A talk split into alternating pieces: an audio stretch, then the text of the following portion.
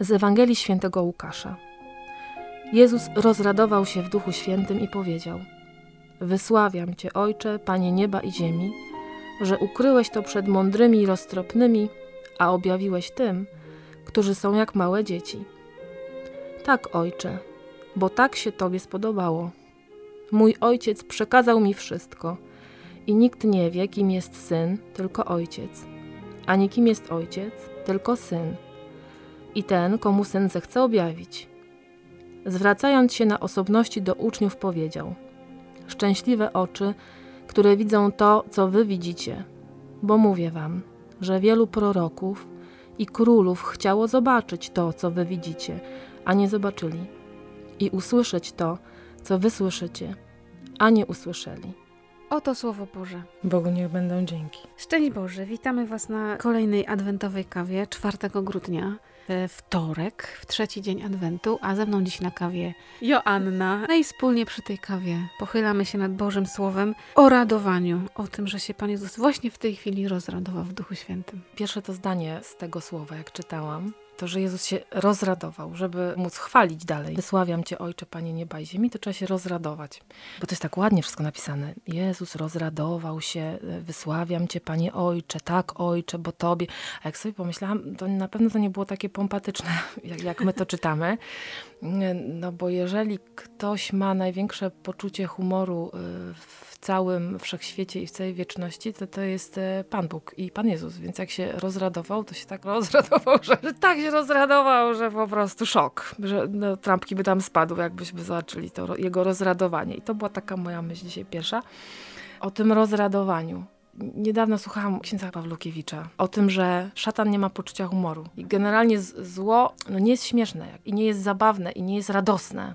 Właśnie, bo czasami przybiera maski śmiechu, ale o ma... tak. myślę bardziej, nie? A takiej radości, która naprawdę gdzieś jest z głębi, głębi, głębi i żołądka, i serca, i wszystkiego, takiego rozradowania e, prawdziwego, no to nie ma w złu. I tak to było moje właśnie pierwsze, że jak się Pan Jezus rozradował, to, to chciałabym to zobaczyć, jak się rozradował.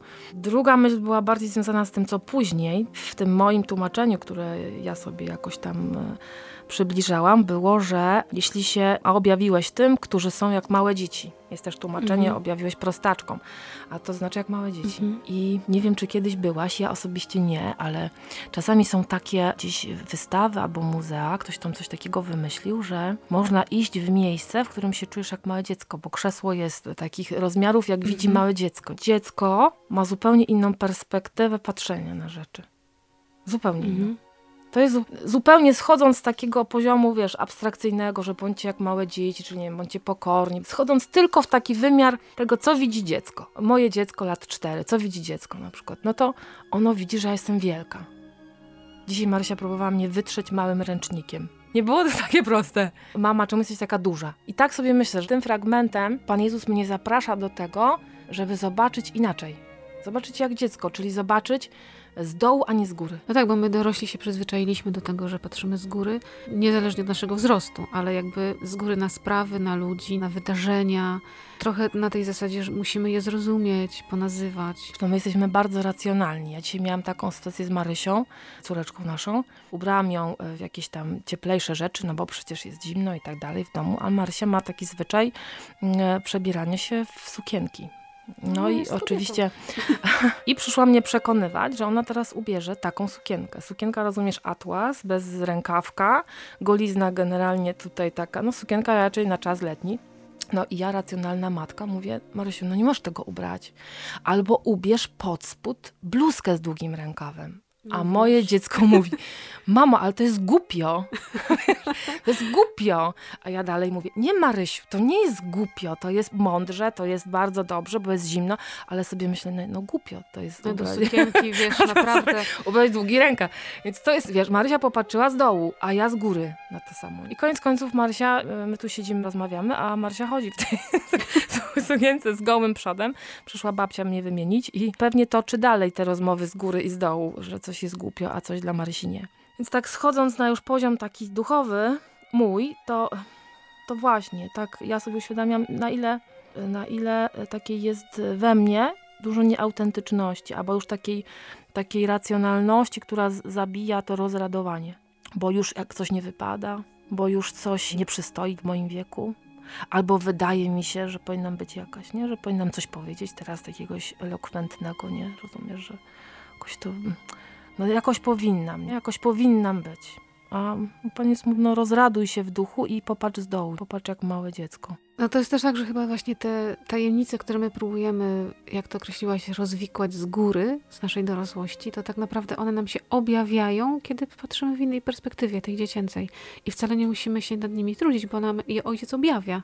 Nam je po prostu pokazuje. Chwyta mnie mocno za serce to, że to rozradowanie było w momencie, kiedy wrócili ci wszyscy wysłani apostołowie zaraz przed tym fragmentem o tym rozradowaniu jest to, że Jezus wysłał tych apostołów tam po dwóch, rozeszli się po całym świecie ówczesnym i wrócili i opowiadali mu, jakie rzeczy robili, w ogóle jakie mm super fajne mm sprawy robiliśmy. Jezu, w imię Twoje wyrzucaliśmy i mieliśmy władzę i, i on się wtedy rozradował taką ich radością też. Mm I faktycznie, no to musiała być taka radość niesamowita i wzajemnego takiego rozradowania i on w tej radości uwielbia Boga, że właśnie takie rzeczy, takie cudowności, takie nadzwyczajności objawił tym prostym chłopakom, którzy widzieli te cuda i doświadczali ich, tylko na bazie tego, że zaufali Chrystusowi poszli za nim i poszli też za jego wezwaniem. On im powiedział: idźcie i mówcie o miłości, o Bogu, o jego wielkości, jego piękności. I oni to poszli zrobili. Wiesz co, ale mm, no trudne to jest to, co mówisz dla mnie. Ja jestem bardzo nieświęta w takim sensie, że muszę się bardzo modlić o taką łaskę rozradowania się z drugiego człowieka.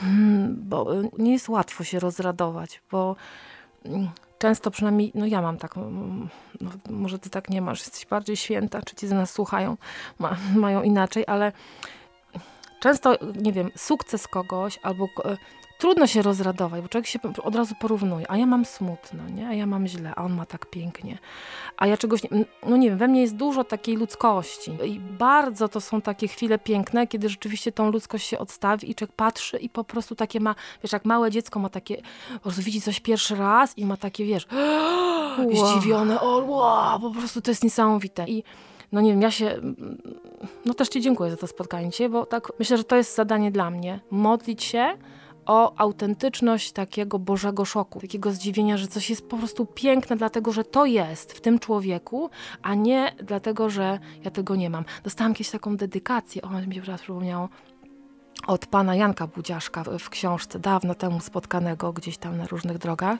i napisał, mi napisał taką dedykację, mi, która ja mu tylko kawę robiłam wtedy.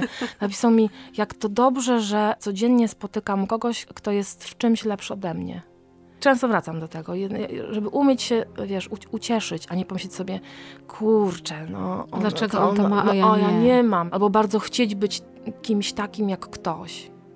To, no, no, no ja jestem bardzo nieświęta, ale no, no, no będę się modliła o to. Chyba to jest takie zadanie. Może to tak, wiesz? No tak, módlmy się o radość, bo radosny czas oczekiwania, ale no właśnie, ale czy radości, to jest nie? taka prawdziwa radość, bo to wcale nie polega na tym, że mogę sobie iść na imprezę to nie ta radość. To jest takie niesamowite, kiedy się patrzy właśnie na dzieci i potrafią się zachwycać najmniejszą rzeczą.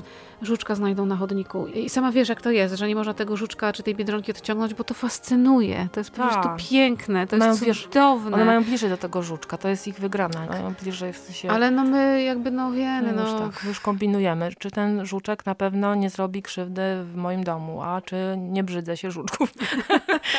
czy nie, już, już jesteśmy jacyś tacy bardzo pragmatyczni często. Znaczy ja jestem, no tak nie mogę mówić, bo na pewno jest. No ale to troszkę nam ta dorosłość czasem ciąży. To taki trochę, mm, czasem taki garb nam się robi troszkę i nas tak do tej ziemi przyciąga mocno. No, no, właśnie, też myśląc o tym rozradowaniu, to jest takie jakby odrzucenie tego, co mnie dociąża. To jest takie mhm. wyzwolenie, takie wzniesienie rąk, serca w górę i powiedzenie, wow, Boże, uwielbiam Cię.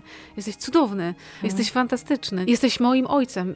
Ja też, wiesz, kiedy czytam sobie ten fragment, myślę sobie jednej rzeczy, że czasem myślę sobie, nie znam Boga, i potem, y, kiedy czytałam tą Ewangelię, y, przygotowując się do tej kawy, pierwszy raz myślałam sobie, no jeżeli nie znasz, to znaczy nie jesteś jego dzieckiem.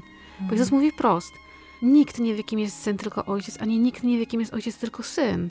Jeżeli ja mówię, nie znam cię, Boże, to znaczy, że nie jestem jego dzieckiem w tym momencie. Bo jakby de facto jestem, tak? Bo jestem stworzona i jakby na poziomie wiedzy, jakiejś wiary, wiem, że jestem Bożym dzieckiem.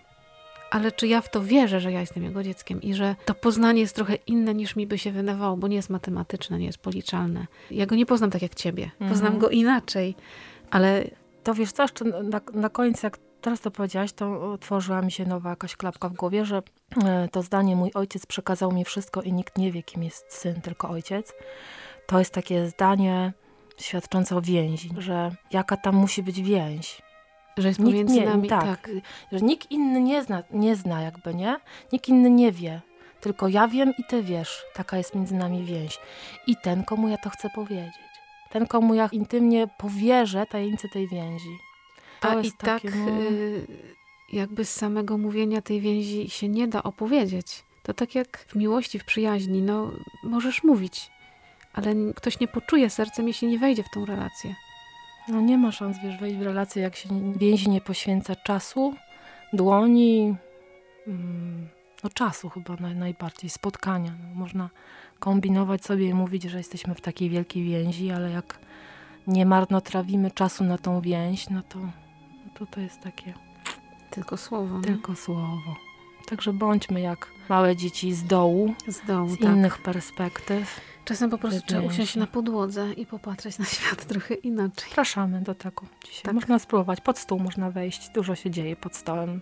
Dzieci często spędzają czas pod stołem i trochę inaczej to wszystko wygląda wtedy. No to z tym was zostawiamy. Dzisiejsze zadanie adwentowe. Zmienić perspektywę. Zmienić perspektywę. O, żeby nam się tak udało. O, uda się. No chociaż, No chociaż jasne, trochę, Ale nie? to przecież nie nam. Rozradował się w kim?